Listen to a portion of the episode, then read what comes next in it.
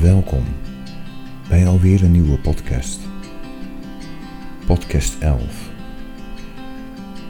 En de titel. Ja, de pijn in het leven? Of de pijn van het gaan? Of misschien wel. Ja, dat zal ik doen. Zoals het nu gaat.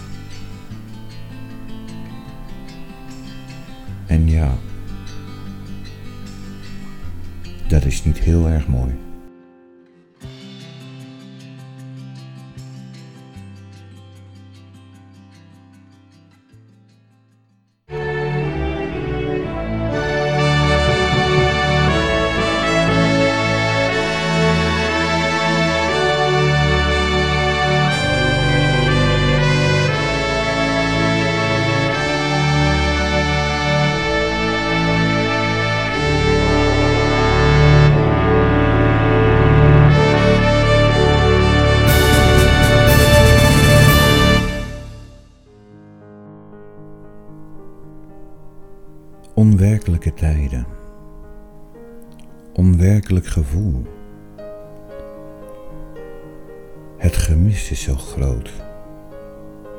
Misschien weet jij wat ik bedoel. En waarom ik dit zeg? Het zijn gekke tijden. Dan zou je denken, nou zou er iets zijn met corona, dat hij mensen niet kan zien.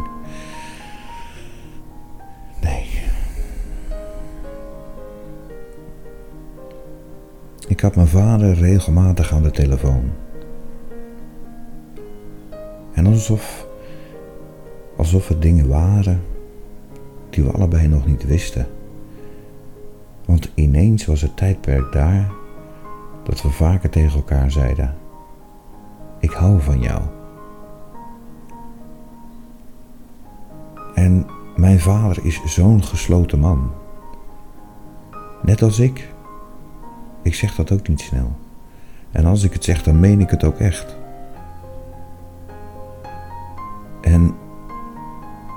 Mijn vader zei dat tegen mij.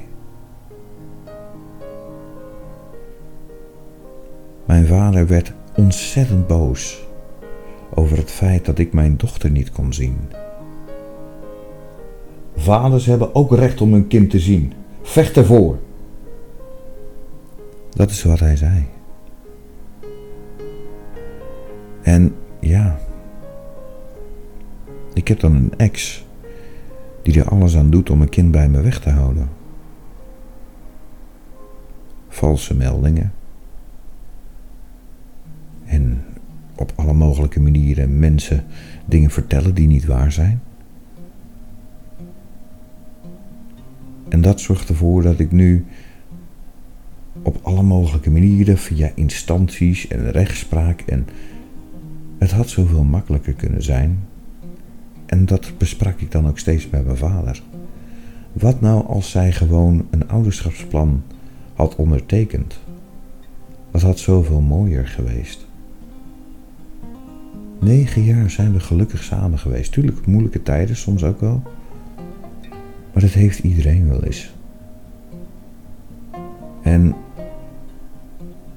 ja, dat was lastig.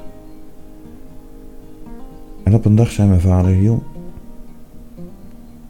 niet alleen jij, maar zelfs ik mis jouw kind. Ik zou haar willen zien, maar weet dat het niet gaat.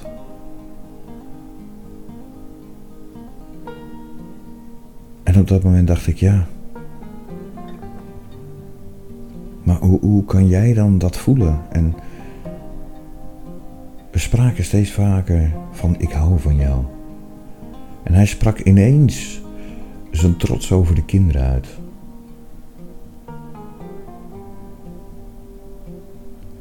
Ik had een telefoongesprek met mijn vader.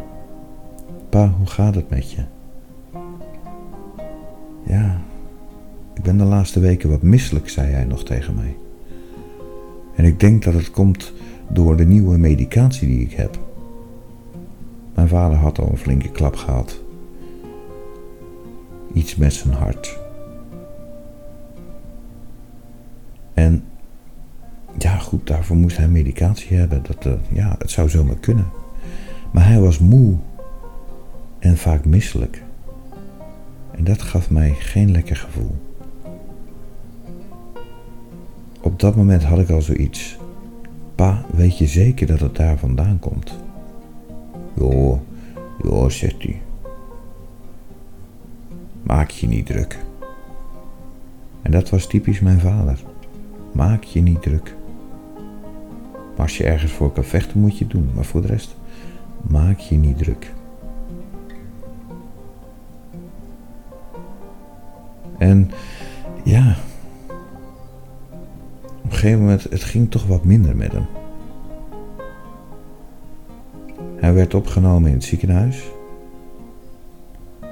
Die diagnose luidde slokdarmkanker. Een tumor die ook aan het bloeden was. En toen dacht ik, ja, dat is heftig. Dat is als een klap in het gezicht.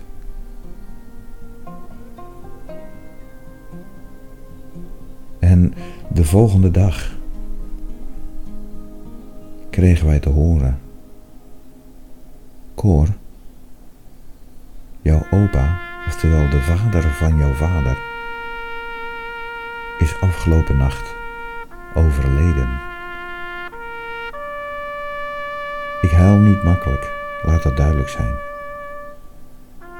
Maar de tranen, ik voelde ze opkomen. Vanuit een brok in mijn keel. Alsof het van mijn keel omhoog liep. Naar mijn traanbuizen. Om ze vervolgens op mijn wangen verder naar beneden te voelen gaan.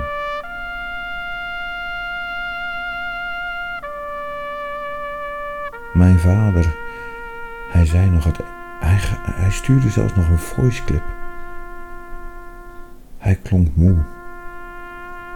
Heel erg moe en verzwakt.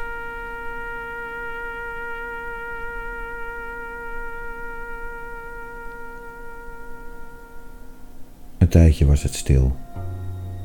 De familie heeft alles moeten regelen in zaken opa. Ja, dat is heftig. En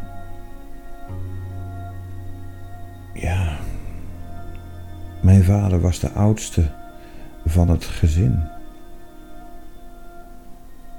En zijn broer en zussen, die hebben alles moeten regelen. Ondertussen lag hun broer, mijn vader, en mijn dochters grootvader, oftewel opa, in het ziekenhuis. Een hele rare gewaarwording. En we zeiden via de app nog tegen elkaar ook gecondoleerd. Jullie vader, ach, hij was oud, hij was 96, dat werd nog gezegd. Zijn leven was eigenlijk wel klaar. Maar die van jouw vader nog lang niet zei de broer van mijn vader,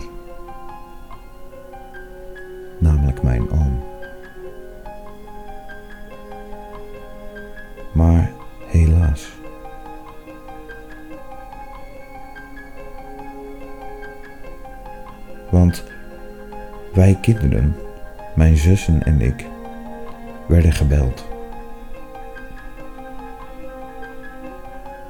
Wij werden gebeld Jullie moeten nu naar het ziekenhuis komen. Het was voor mij anderhalf uur rijden. En ik wist nog steeds niet wat er.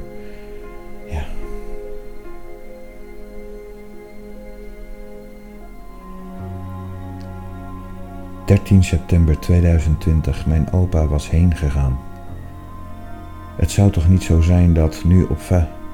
Nee, dat kan niet. maar helaas. Naast dat mijn vader een tumor in zijn slokdarm had, had hij ook een blokkade in zijn lever. Ze konden kiezen.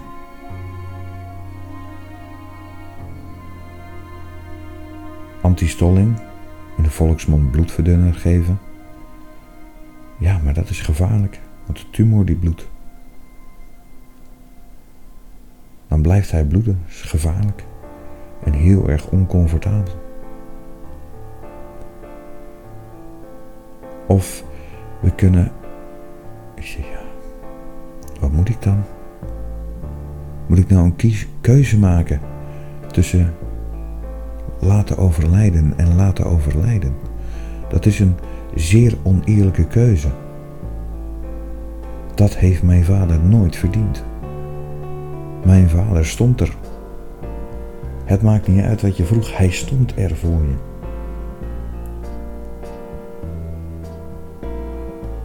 Maar de keuze werd vanzelf duidelijk. Mijn vader was benauwd. We hoorden van de arts: Uw vader heeft aangegeven dat wij niet meer mogen reanimeren als het zover is.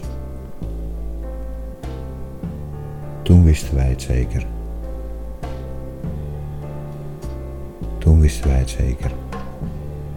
Niet alleen onze opa, maar ook onze vader. Hij is op. En dat al op 65-jarige leeftijd. Wanneer hij eigenlijk van zijn pensioen had moeten genieten. Maar hij viel onder de nieuwe regeling. Had al meer dan 40 jaar gewerkt. Nog voor dezelfde werkgever ook. Daarvoor ook nog andere werkgevers gehad. Maar meer dan 40 jaar voor dezelfde werkgever.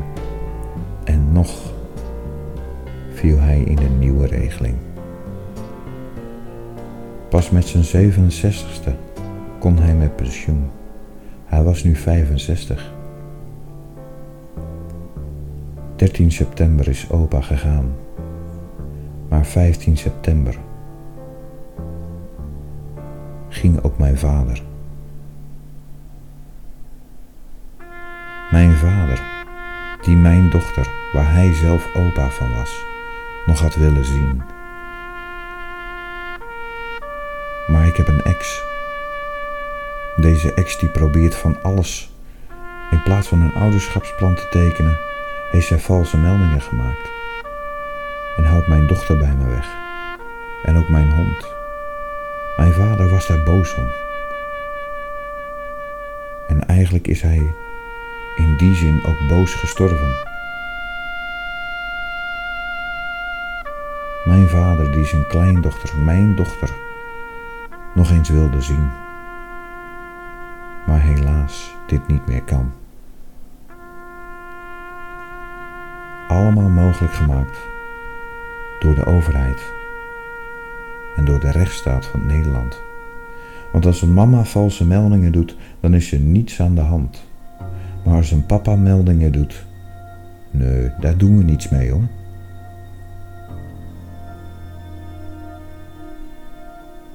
Kortom, hoe het nu gaat. Het gaat niet goed.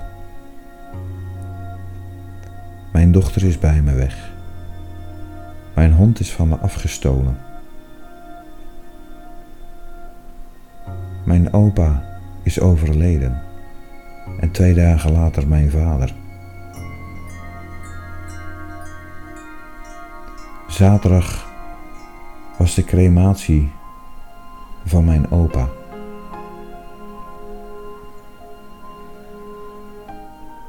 Maandag die van mijn vader. Ik heb de bloemstukken nog geregeld, in samenspraak met mijn zussen, waarvan één zus ik bijna nooit sprak. Iets met familie.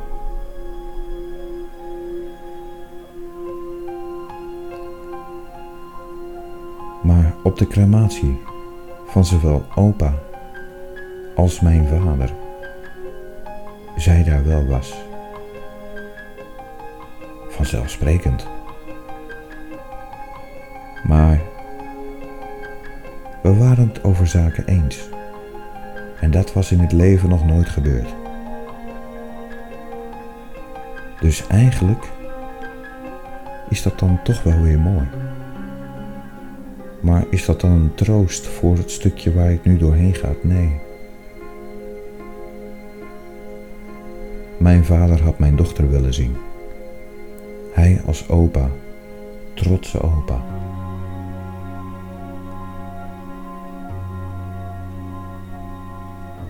Op de crematie van mijn vader zou ik spreken. Ik heb gekozen dat niet live te doen, om het van tevoren op te nemen. Met mooie, rustige muziek op de achtergrond. Ik vond dit mooier en beter bij mijn vader passen.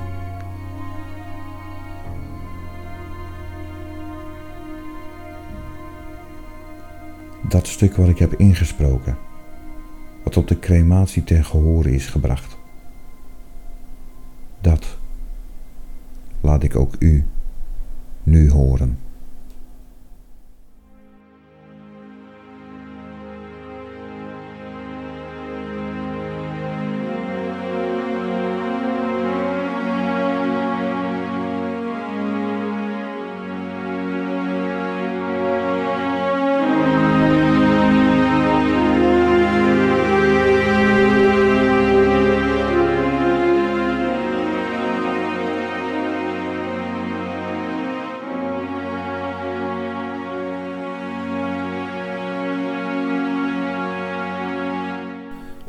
Lieve pa, altijd aan onze zijde. Altijd stond je voor ons klaar. Wijze woorden, vele gesprekken. En wij plaagden jou met jouw grijze haar. Gesprekken werden anders, we beleefden ze steeds meer. Maar ook dat we jou steeds moesten zeggen: Denk ook eens aan jezelf. En dat dan keer op keer. De droge humor, de ondeugende lach. Wijs voor een ander, maar koppig voor jezelf. Maar de dag dat jouw arm om mij heen sloeg, toen mijn dochter Meerte overleed. En de knuffel die jij mij gaf, toen mijn dochter Romy was geboren. Ik voel ze nog elke dag. Hoe sterk jij bent, dat, dat was niets nieuws. Jouw uitspraak over jouw trots over jouw kinderen. Iets wat jij nooit eerder had gezegd. En de laatste tijd zeiden we steeds vaker tegen elkaar: Ik hou van jou. En dat, pa, voor een gesloten man als jij. Dat deze woorden uit je mond kwamen, dat was zo mooi. Familie op de eerste plaats, dat is wat jij altijd zei. Je hebt ze niet voor het uitkiezen. Maak jezelf en de familie blij. Vader voor ons, opa voor onze kinderen, maar een mooie, sterke, krachtige man. Na elk gesprek over de telefoon zei hij grappig: Jo, de ballen. Dat pa, zal ik nu niet doen. Maar langer terug in de tijd het zinnetje wat je altijd zei. Maar wat aangepast aan deze treurige tijd. Want jij bent vredig heen gegaan in jouw slaaphouding. Wij hoorden jouw laatste zucht. Vandaar mijn laatste woorden. Wel trusten, slaap lekker en rust zacht.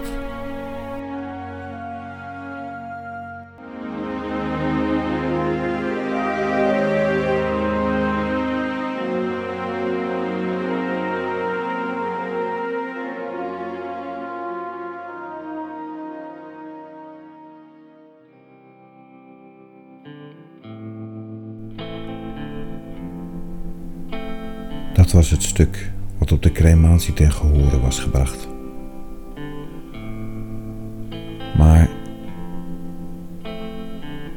Blijft nog altijd een groot gemis, hoe mooi je dingen ook inspreekt.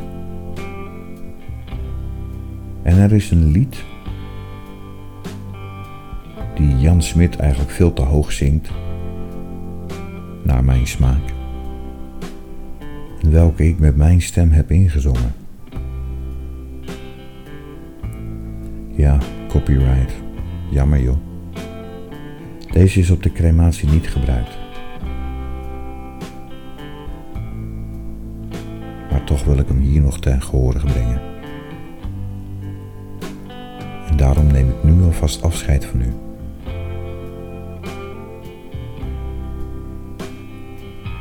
En zeg ik u tot de volgende podcast. Want die komt er zeker weer aan. Maar voor nu, nu ben ik blij dat ik eventjes niets hoef te doen. Eventjes helemaal niets. Eventjes rouwen. Want opa en papa zijn allebei heen. Mijn dochter heeft geen afscheid kunnen nemen. En mijn vader niet van mijn dochter. Dat is hoe het in Nederland dus kennelijk kan.